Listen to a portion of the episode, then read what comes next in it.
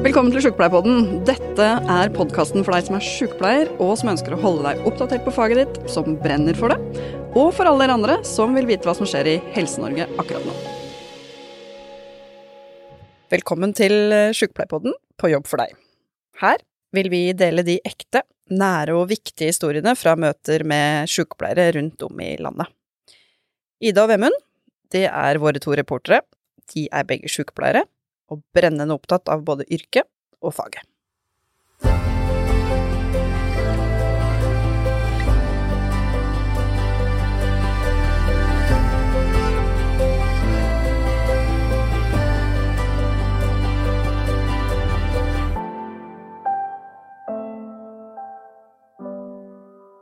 Hei og velkommen til Sykepleierpodden. I dag så er jeg hjemme hos Ida Risholm, som har jaget ungene sine ut og sendt dem på kino. Og min kollega Solveig Skjelin Skjelin? Ja. Ja. Kjellin Lindberg, da. Lindberg er jo Ja. Som begge er mine kollegaer på akuttmottaket Kalnes, og som jobber som sykepleiere der. Og vi skal snakke litt om det å jobbe på akuttmottak. Eh, både hvordan det er å oppleves, og også klarere opp kanskje noen myter og ting rundt selve mottaket, da. Mm. Eh, så jeg kan jo starte bare innledningsvis med å spørre dere begge to, eh, kanskje starte med Ida. Hvorfor akuttmottak? Ja, si det. Det er litt eh, tilfeldig, egentlig. Jeg havna inne i akuttmottaket på Lovisenberg i Oslo.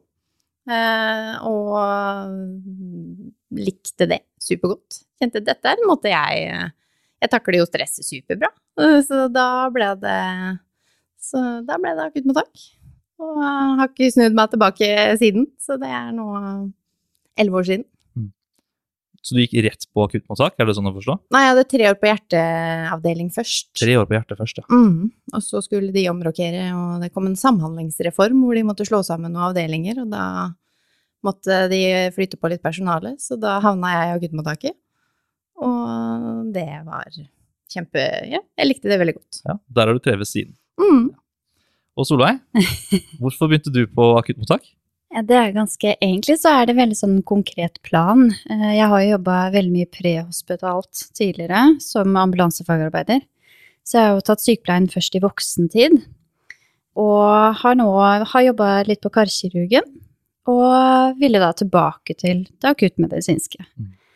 Elsker å jobbe med akuttmedisin. Det er grunnen til at jeg valgte akuttmottaket. Ja, for hva er egentlig appellen med akuttmedisin?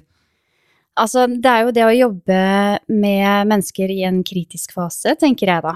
Eh, og i en akutt fase, som trenger eh, hjelp der og da. Ja. Det er det kortversjonen. Mm. Det er mange som sier at Eller jeg har jo selv sagt i en episode vi har hatt eh, video da, om akuttmottak, at jeg føler det er veldig meningsfylt arbeid å jobbe der, fordi du gjør en direkte forskjell, gjerne der og da. Mm. Og mange av de pasientene vi får inn på akuttmottaket, de er jo i en krise. Mm. Og så kan vi til en viss grad i hvert fall fikse, om ikke ordne noe av den krisen da, rundt Mm. det. Eh, spesielt hvis det er somatikk, Mm. eh, som er smerter, ikke sant. Sykdom som kommer inn og er kritisk. Dette må vi fikse nå. Det haster, for det er farlig. Da, da skinner vi på vårt beste Mm. eh, i akuttmottaket. Eh, og det føles så godt, fordi du ser så utrolig kontrast på pasientene, da, hvor de kommer og er rett og slett fortvila, og så får de på en måte vite hva dette her er for noe, og vi gir dem kanskje lindring, god smertestillende, og lager en plan for hva som skal skje videre, sånn at de skal få det greit igjen. Mm. Og det, det er noe man ikke ser like sterkt andre steder, eh, er i hvert fall inntrykket mitt, og noe av det jeg tror gjør at det føles veldig meningsfylt å jobbe med det, da Mm. På akuttmottak. Mm. Uh, det er mange som har lurt på, eller jeg har fått en del spørsmål da, før denne episoden uh, fra folk som er helt utenforstående fra sykepleie, men også en del sykepleiere, så prøver å, vi prøver å legge det litt sånn at alle kan skjønne hva vi snakker om. Da. Uh, og da er det mange som har lurt litt på hvilke pasientgrupper eller diagnoser er det som på en måte er kriterier for å komme til akuttmottak. Er det noe som er ekskludert, eller kan absolutt alle komme til akuttmottaket? Hva tenker dere om det? Nei, jeg pleier å si vi har jo på en måte tre dører da, inn i akuttmottaket. Uh, vi har jo den gående inngangen, og de som kommer der, de har jo enten vært hos en fastlege eller på legevakta først og har med seg en henvisning i hånda. Så de har på en måte fått en vurdering av en lege som på en måte tenker at dette kan ikke vente. Uh, her må spesialisthelsetjenesten inn og gjøre noe. Uh, og så har vi jo den ordinære ambulanseinngangen. Det er jo på en måte de som har ringt 113, eller som har vært hos en lege, og legen vurderer at de må såpass fort inn på sykehus at vi ringer en ambulanse. Ambulansen er ute og kan jo kjøre pasientene rett til sykehus hvis de vurderer de dårlig nok til det. Eh, og så har vi jo helikopterinngangen, hvor de desidert dårligste kommer. Mm. Eh, det er jo teampasientene og de som faktisk kommer med helikopter. Mm. Eh, så noen har jo vært hos en lege først, og andre kommer rett inn med ambulanse. Noen kommer også rett på døra. Mm. Ja. Eh, noen av de sender vi på legevakta, og noen får komme inn hvis vi vurderer at måte, det er alvorlig nok. Og hva er det vi kaller å vurdere det? Triasj. Triasj, ja. ja. ja. Har du lyst til å prøve å forklare litt hva triasj innebærer, eh, Solveig? Ja, triasj det er, en, eh, det er, et slags eh, system som vi bruker, eh, som eh, kategoriserer og Det er et hjelpemiddel. Eh, og kategoriserer hvor, hvordan er det ståa med pasienten. Er pasienten veldig dårlig? Er, er pasienten som passe? Og da triasjerer vi jo da i, i rødt kriterium, som er da kritisk eller haster, eh, eller hvor det er, eh, må tas med en gang. Eller så er det gult, som det bør tas egentlig så fort som mulig. Som er en, en eh, gul ja. ja. Bør tas raskt. Og så har vi en grønn triasje, da. Så vi har også oransje som er midt imellom. Mm. Ja. Og hva er en typisk grønn pasient? De som er flest av akuttmottaket på Kalnes, er vel kanskje de som kommer med spørsmål om blodpropp i beinet. Mm. Ja en, eh, det som vi kaller for en. DVT-pasient. Mm. Uh, som på en måte Det er jo stille og fredelig, men uh, de, de, trenger jo behandling, og de må til en ultralyd. Men uh, de kan jo fint sitte og vente. Ja, Og så har de kanskje hatt det, det en stund også, før de kommer. Ja. Ja. Så det er ikke noe umiddelbar livsfare man tenker da, rundt at det kommer til å, de kommer til å stoppe å puste akkurat der og da. Nei. Nei. Mens en rød en det er vel gjerne en som haster litt mer, og da er det vel gjerne en grunn til det. Mm. Hva er en typisk rød pasient på akuttmottaket? Det kan jo være alt fra hjertestans eh, til, disse, til traumer, trafikkulykker og de. Tompust. Eller ja. mennesker som sliter veldig med å puste. Mm. mm. Som har store pustevansker. Mm. Mm. Da har jeg lyst til å utdype litt mer på rollefordeling. fordi Oppsummert nå så er det et par veier inn på mottaket eh, akuttmottaket. Og det er jo de som kommer gående fra gjerne fastlege, eller helt på egen hånd. Og så har vi de som kommer med ambulanse, som dere sa. Eh, og så har vi de som kommer med helikopter, som er virkelig, virkelig kritisk. Og så har jeg lyst til å legge til at det hender faktisk at noen kommer fra sykehuset også. Hvis, hvis noe går gærent med noen ansatte, eller at en pasient eh, skulle bli kritisk skadet på selve sykehuset, da, selv om det ikke er så veldig ofte. Mm. Men det er jo også noen som dukker opp. da. Mm. Og de får jo en fargekode som sagt. Og da er jo det i forhold til prioritet hvor fort de skal få hjelp. Men på selve mottaket, så det er jo akuttmottaket er jo delt inn i litt sånn forskjellige roller. Eh, hvor noen eh, Vi er jo sykepleiere alle sammen, men vi har forskjellige roller på akuttmottaket som sykepleiere. Mm. Så jeg håpet vi kunne snakke litt om det, hva disse forskjellige tingene er. Fordi vi gjør så mye forskjellig, og alle kan ikke gjøre alt. Så jeg er jo ganske, kanskje den ferskeste som sitter her på akuttmottaket. Begynte der i oktober.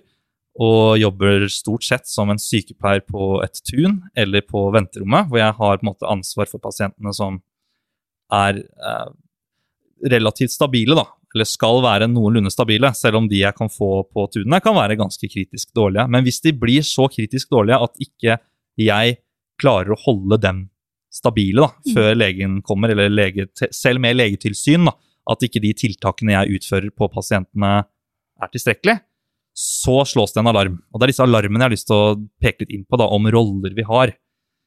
Uh, vi har vel da en alarm som heter traume. Mm, mm. Og sånn jeg har forstått det, så er det en alarm hvor det gjerne har skjedd noe fysisk med kroppen. Da. Om det er en eh, kniv som har kommet, blitt stukket av, eller om man har krasjet i en bil og brukket mm. noe er veldig akutt, og det er en stor risiko for eh, store blødninger. Da. Eh, og man kanskje må bruke kirurgi for å rett og slett fikse det, for det er ikke nok å bare ta på et plaster eller bandasje. Da. Så det er den ene rollen. Og så har vi noe som heter stanscalling. Mm. Og det er at dersom noen får hjertestans, så er det team som er klare til å komme løpende med en gang med stanstralle, Mm. som inneholder utstyr for å igangsette hjertet igjen, med hjertestarter og sånn kompresjonsmaskin. Jeg Mm. tror vi kaller den for Lucas. Mm, Ja. Stemmer. Eh, har vi noen flere team enn det, eller er det de liksom andre rollene man går med? For vi kaller jo dette for calling, Mm. hvor vi går med en alarm på kroppen til enhver tid, de som har, har ansvar for det. Eh, men det er jo forskjellig Det er jo ikke alle som har på en måte kompetansen ennå, eller eh, nivået til å gå med det, da. Mm. Vil, er det, kan du forklare litt det, Ida? Vi har jo også en trombolysecalling. Ja. Eh, en slag, slagalarm, Mm. på en måte. Eh, så det er, jo det, det er jo de tre callingene vi har. Traume, stans Mm. og eh, trombolyse. Ja. Traumecallingen er den første du får, som regel. Eh, når du har, har du litt erfaring, så får du begynne å gå med den etter hvert. Få litt eh, opplæring. Mm. Stansalarmen, hvis, da server vi jo hele sykehuset, hvis, eh, så alle kan jo trykke på den gule knappen, og da, det er også i psykiatrien. Vi løper der det skjer. Mm. Eh, Vestibylen, eh, Narvesen Uansett hvor det er, så, så kommer vi løpende dit. I tillegg så er det jo at vi Det er jo en del som også får hjertestans hos oss. Og så setter vi jo disse sammen, da. Vi har jo noe som heter eh, medisinsk akutteam. ja. Um, og da er det trombolyse, den som har trombolysekålingen og den som har stanskålingen, de to eh, går da på team og tar imot eh, dårlige pasienter, pågående hjertestanser, lungeødem, eh, dårlige sepsiser, eh, bevisstløse intox-pasienter på MAT-team, og da, kommer, da trykker vi på liksom, den knappen, så da kommer jo anestesilege, anestesisykepleier, labben, Og så går det en piping rundt omkring i og da hele piper det i hele, og da liksom Da vet du at det er action på gang. Da vet vi liksom at de Da kommer, da kommer de. Mm. Eh, og så har vi jo noe som heter kirurgisk kirurgisk akuttteam. Det er også stanssykepleier og trombolysesykepleier som eh, går på det, på traumestua. Mm. Det kan jo være pågående indre eh, Da er det jo kirurgene som kommer. Rektalblødninger, eh, liksom andre ting som ikke er traumatisk, da, men som på en måte trenger rask avklaring med et team. Men når, du går med, eller når man går med denne alarmen, da, da er det ikke sånn at du sitter i standby og bare venter på at det skal gå en alarm. Hva, hva gjør du når det ikke er en alarm da?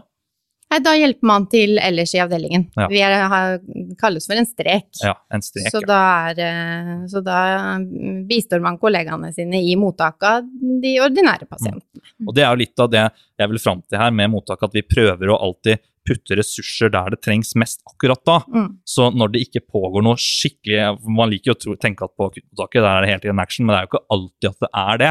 Så det er en veldig varierende grad av pasienttrykk. Og brått så er det veldig veldig mange pasienter som møter opp utenfor, gående inn da, fra fastlegene. Fordi alle fastlegene finner ut samtidig at vet du hva, kanskje dette her bør ta en sjekk på akuttmottaket.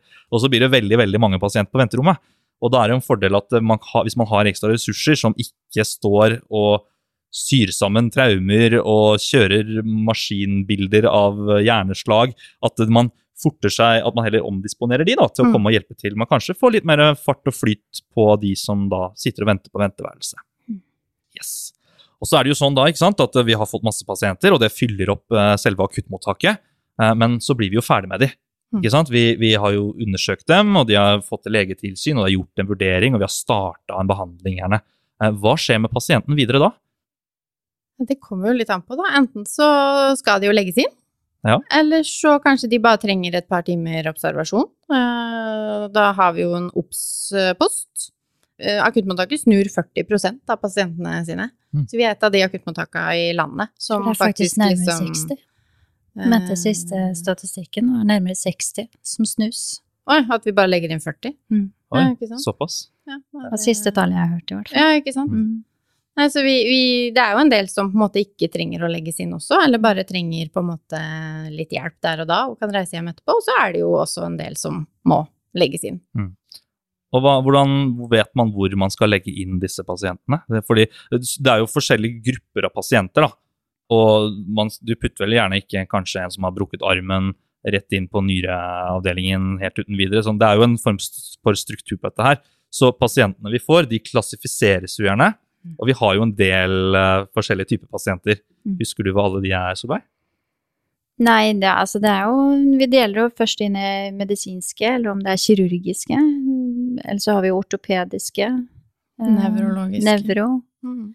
Onkologiske. Og onkologiske, ja. Mm. Mm, altså disse kreft, kreftpasientene. Ja. Mm, Så har vi vel gynekologiske også. Stemmer. Ja, vi også på Mm. kveld og Ja. natt.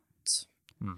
Mm. Og, og de, de, når, vi er på en måte ferdig behandlet med dem, ja, hvis de må legges inn, så, så meldes de da til en post som er egnet for seg. Mm. Og da er det jo en egen rolle for det også, eh, som er den såkalte flytsykepleieren. Er pasientflytkoordinator. Ja, Mm. pasientflytkoordinator. Eh, og det er en ganske spesiell rolle for en sykepleier, da, fordi da skal man i dialog da, med disse sengepostene finne ut av hvor pasienten skal få plass. Mm. Uh, men så hender det jo at det er litt fullt, og at man må lage kompromisser og finne ut av hvor på sykehuset nå er det størst trykk, og hvor er det på en måte plass. Da Og da hender det faktisk til og med at enkelte pasienter midlertidig settes på kanskje en annen post, da, i påvente at det skal bli ledig der man egentlig ønsker dem. Mm. Mm. Med låne plasser. Og det, jeg pleier å si det at på akuttmottaket så er eh, flytsykepleieren, den som prøver å holde orden på hvor det er størst sykt, da, er den mest upopulære av alle, men samtidig har en av de viktigste rollene. Mm. For det er ingen som liker flytsykepleieren, fordi flytsykepleieren, det eneste man assosierer flytsykepleieren med, er jo bare å komme og gi mer arbeid.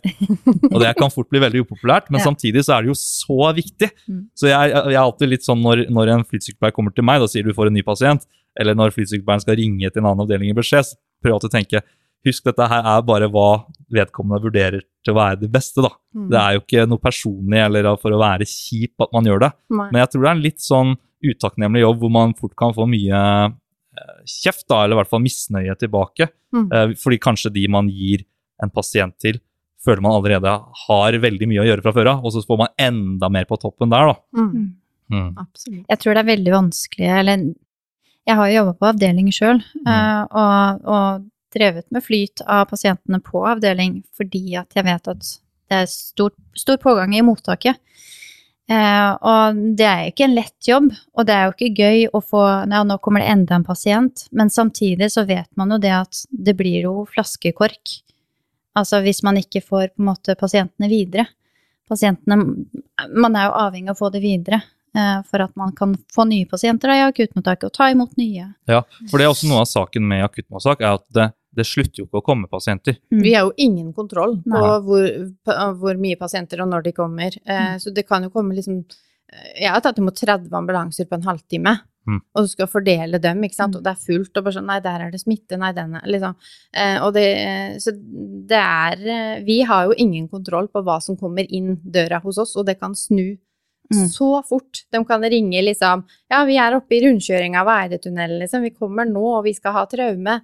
Eller Mm. liksom det Vi må liksom hele tida kunne omstille oss og hive oss rundt og finne en løsning. Ja. Det er vel det som kanskje er med på å gi dette inntrykket at det er veldig mye action og kaos på Mm. selve akuttmottakene. da. Mm.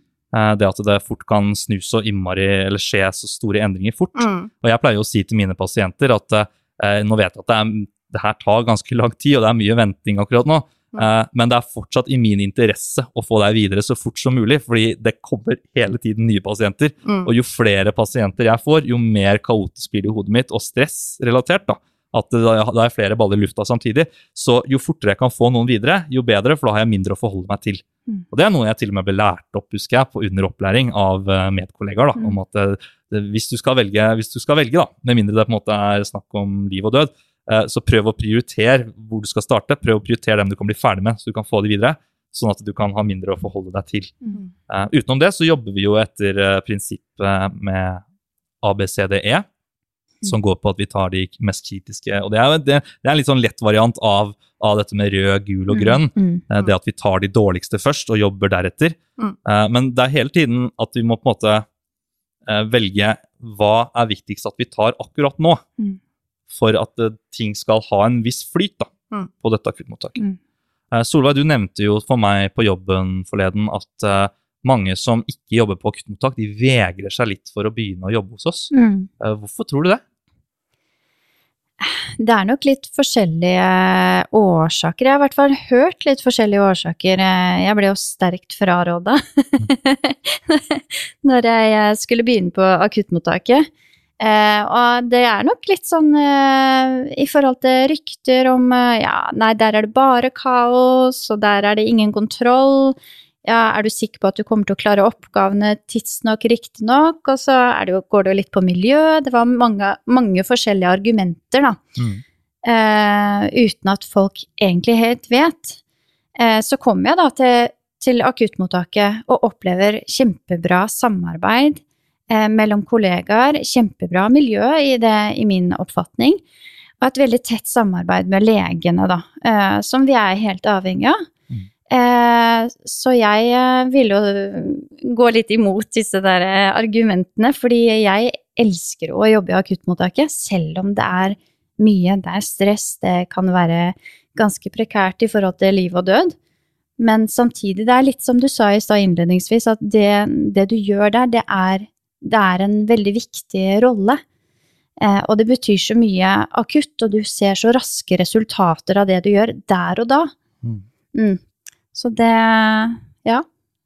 Jeg prøver å minne meg på liksom, når jeg går på jobb, at ja, dette er hverdagen for meg. Her er jeg trygg, Mm. her liker jeg meg. Jeg er sammen med folk jeg liksom Men alle pasient, stort sett alle pasientene som kommer til oss, de hadde ikke tenkt til å komme til akuttmottaket den dagen. Nei. De er er i en eller annen krise, det har skjedd et eller annet Det var akutt jo som gjør aldri at planlagt det å var komme ikke der. dit de skulle, liksom. De skulle jo noe annet, og så havna de hos oss. ja. Mm. Eh, så på en måte å ha den tanken litt sånn i bakhodet, da, at eh, eh, selv om jeg er trygg, så er de er i en eh, krise og en usikker situasjon Mm. akkurat der og da, og møte på det. Det er faktisk veldig sant det du sier der, for veldig mange pasienter sier jo det når de kommer, at herregud, det var ikke sånn her det skulle bli, jeg hadde jo ikke tenkt å ende opp her. Nei, Og jeg skulle jo egentlig gjøre noe helt annet, og det er jo til og med pasienter som vil hjem igjen, for de skulle jo fikse noe og hadde planer, Ja. og så skjønner de ikke selv hvor dårlig de faktisk er, da. Mm. Så vi må jo si nei, vet du hva, du kan faktisk ikke dra hjem nå og lufte bikkja di, fordi du den får bare tisse på gulvet hjemme akkurat nå, fordi du er i livsfare hvis ikke vi gjør noe med dette her. Mm. Så det, det er veldig sant det du sier der. Mm. Uh, og jeg opplevde jo også selv det når jeg begynte, at veldig mange sånn Herregud, skal du inn på akutten? Mm. Er du gæren? Det er jo, der er det jo fullstendig kaos. Åssen kommer du til å håndtere det stresset? Ja. Selv om enkelte dager faktisk opplever jeg langt mindre stress, stressende enn det f.eks. sengeposten er eller Mm. hjemmesykepleien. Mm. Eh, for vi, vi har jo også rolige dager på mottaket. Mm. Det er jo igjen veldig flytende hvor stort press det er. Mm. Så noen dager, sånn som du har jo hatt det i dag, eh, at det var Ja. bare full action fra du kom inn døra omtrent. Ja. Eh, mens andre ganger så går det jo flere timer før det faktisk begynner å komme pasienter om morgenen. da, Fordi ingen av de kommer akutt annet enn fra fastlegene, og det tar et par timer før fastlegekontoret åpner, og så mm. kanskje de aller første pasientene er egentlig greie og kan dra hjem, og før det etter hvert dukker opp en da, som oi, her må vi kanskje undersøke. Og så er det egentlig en ganske rolig, fin dag helt til det begynner litt sånn etter hvert, etter hvert utover. da. Mm. Men det skal sies, da sitter ikke vi på rumpa. Da Nei. fyller vi Ja. på, og vi rydder, Ja. og vi eh, gjør klart, sånn at vi liksom Mm. er klare når det skjer noe. Så det er Ja, for da har man jo ikke tid. Nei. Når det først skjer noe. Når det først brenner på dass, da har vi ikke mulighet til å fylle på. Så da Føler dere at, eh, føler dere at det, det gjør noe med dere når det virkelig brenner? Altså det er bare det er krise overalt, alle er dårlige, og man føler man kanskje ikke har nok hender alltid, da. Det er klart at man føler jo på det. Ja. Eh, og det er jo Men det er klart, da er det jo hele aspektet. Da er det jo ikke kun på en måte Man vet jo det at ok, man får bare gjort én ting av gangen, altså med seg sjøl, da. Eh, men det er jo hele, hele opplegget som gjør at det blir veldig kaotisk. Mm. Eh, Så da blir det å, å, å brannslokke litt.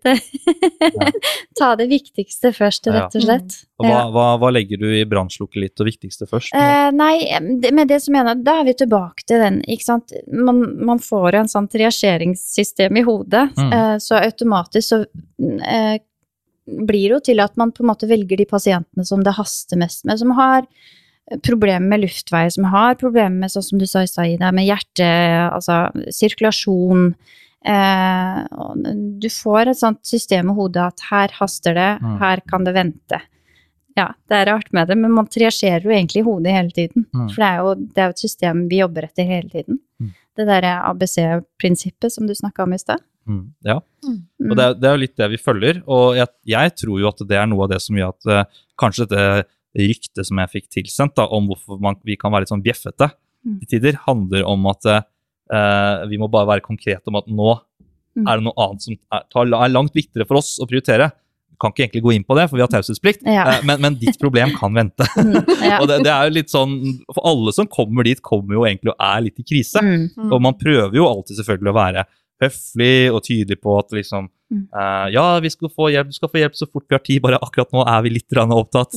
Mm. Eh, du skjønner, På rommet ved siden av så, så står de egentlig og prøver å få liv i en fyr som nesten tilnærmet har sluttet å puste, men vi, vi går ikke inn på det med deg. Uh, men, men, men det er egentlig den egentlige realiteten her, da. At man på en måte, da, da virker jo liksom kanskje andre problematikker som at åh, ah, jeg har litt vondt i magen, Mm. eller åh, nå er jeg sulten, har vært der lenge. mm, Litt sånn bagatell i forhold. Mm. Men samtidig så skal vi prøve å på en måte ikke, ikke være på en måte nedlatende eller spydige, da. mm. Uh, og jeg skal anerkjenne selv at jeg har jo jeg har glesset fra meg en gang, i hvert fall, til et familiemedlem uh, som kommer midt oppi at vi står med en respirasjonssvikt og holder på. Jeg står og tar på meg smittestyr i full fart og har 100 tanker i hodet om herregud, hvordan skal jeg rekke å få til dette her, når det vel å merke var dette på det verste, da.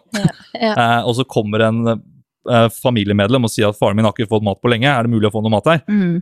Da glapp det utenom at faren din kan vente.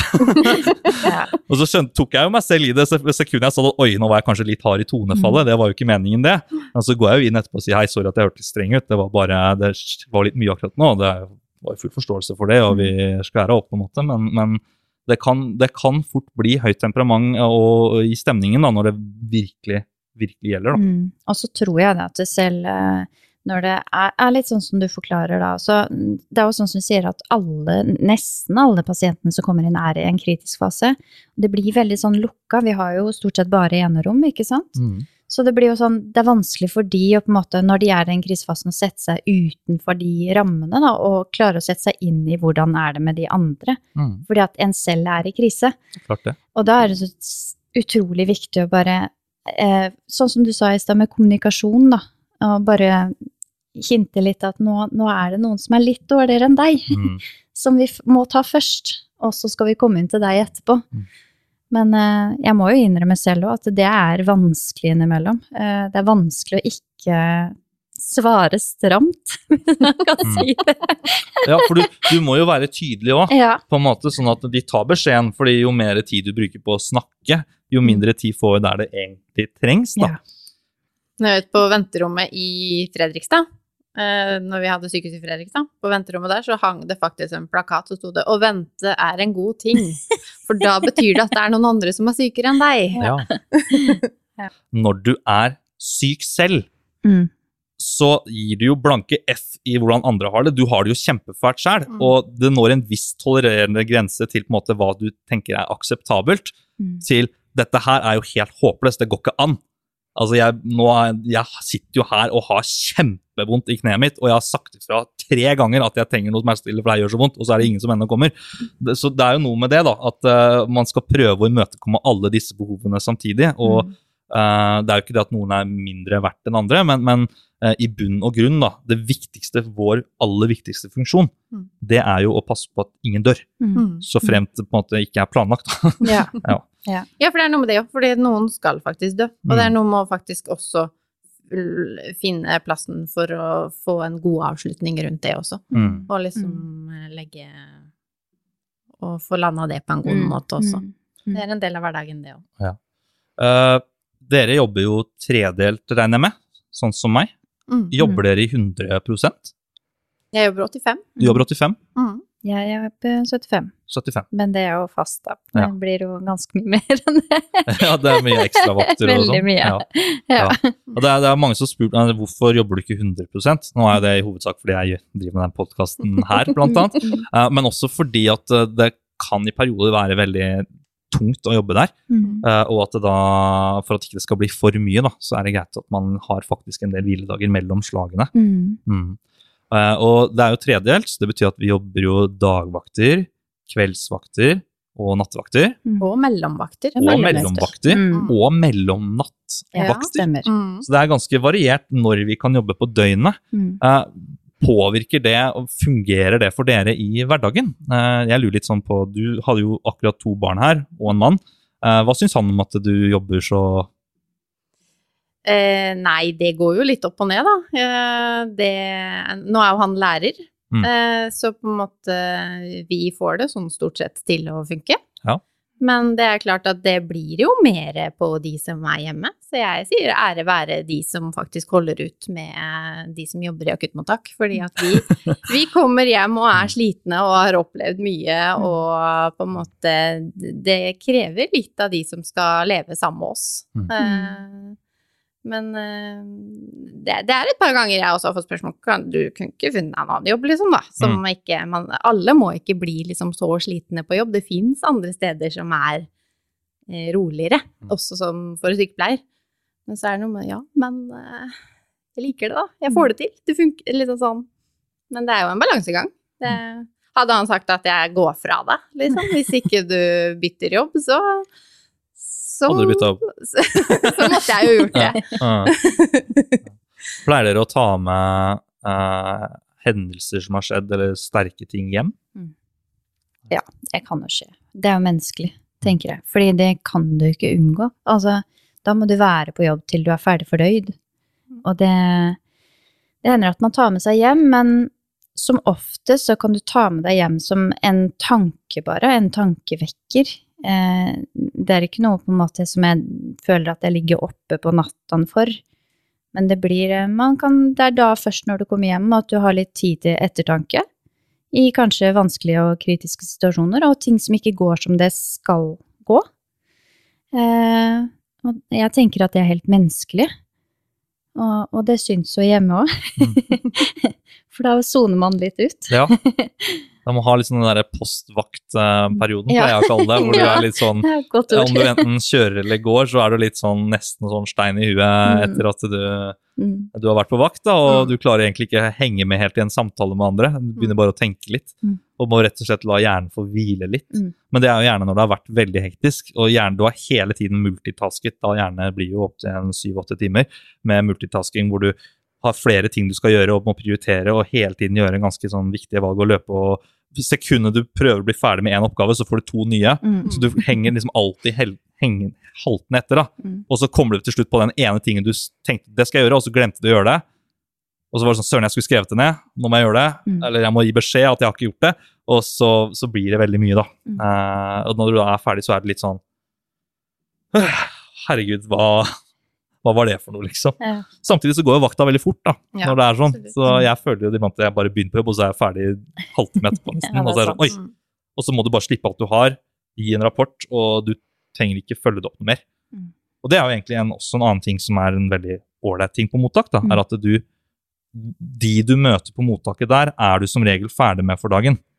Mm. Neste gang så er det jo en haug med andre mennesker. Mm. Så det er ikke noe sånn langsiktig planlegging som du må følge opp, eller at du har, er primær for en pasient som du skal følge opp over tid, hvor du på en måte har hovedansvaret der. Det er på en måte det er den vakten, og bare forsikre om at det du holder på med, gis til neste. Mm.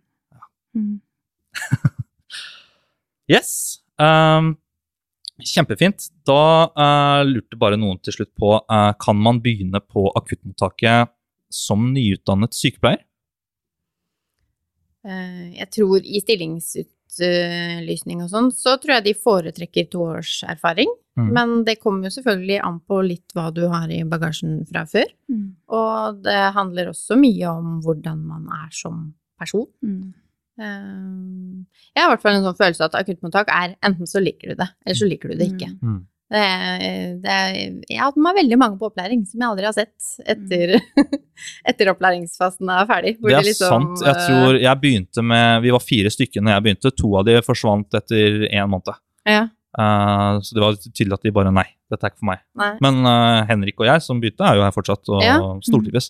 Så det er litt sånn enten-eller. Enten så liksom Altså, det er alltid slitsomt å være ny, og det er liksom mye å sette seg inn i, og, men når man kommer over den bøygen, da, så er det enten så liker du den måten å jobbe på.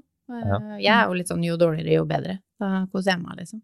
Også en stor fordel med akuttmottak som jeg kom på nå, er at vi har ganske lang opplæringstid. Mm. eh, som absolutt er nødvendig, det har jeg jo skjønt underveis. Mm. Eh, men jeg hadde vel er det, en, det er vel en tre-fire uker. Jeg tror alle får fire, Ja, og så minst fire, og så vurderer man litt underveis. Og det er ganske sterk kontrast til de tre dagene jeg fikk i kommunen. Sånn, Ja.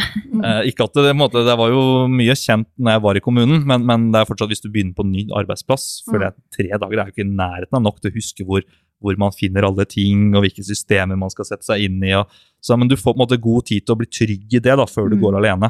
det er jo litt det som er å jobbe i akuttmottaket, og du blir jo litt god på alt. Mm. Mm. Fordi at vi håndterer liksom alle fagområdene. Du står jo liksom med en gyn-pasient der, og så skal du gipse et bein der, og så skal du legge treveiskateter der, og så eh, skal du være psykologen til en som ikke vil leve lenger der. Mm. Så det er liksom du, Vi balans... Ja. Vi sjonglerer jo liksom mellom alle fagområder og å tenke liksom ja, magesmerter, nei, da, da må vi tenke de tinga.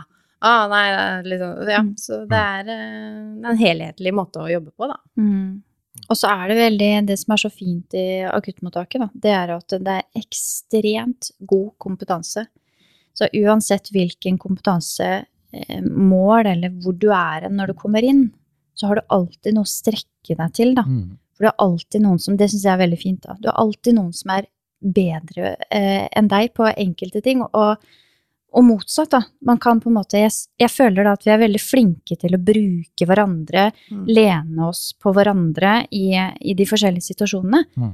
Uh, Ida, det her er du veldig god på. Kan du hjelpe meg med det, liksom? Mm. Uh, og det det syns jeg vi er veldig flinke til, og derfor så tenker jeg at ok, kanskje du er helt fersk, men da har vi også mulighet til å forme de innenfor de områdene som er uh, viktige, da.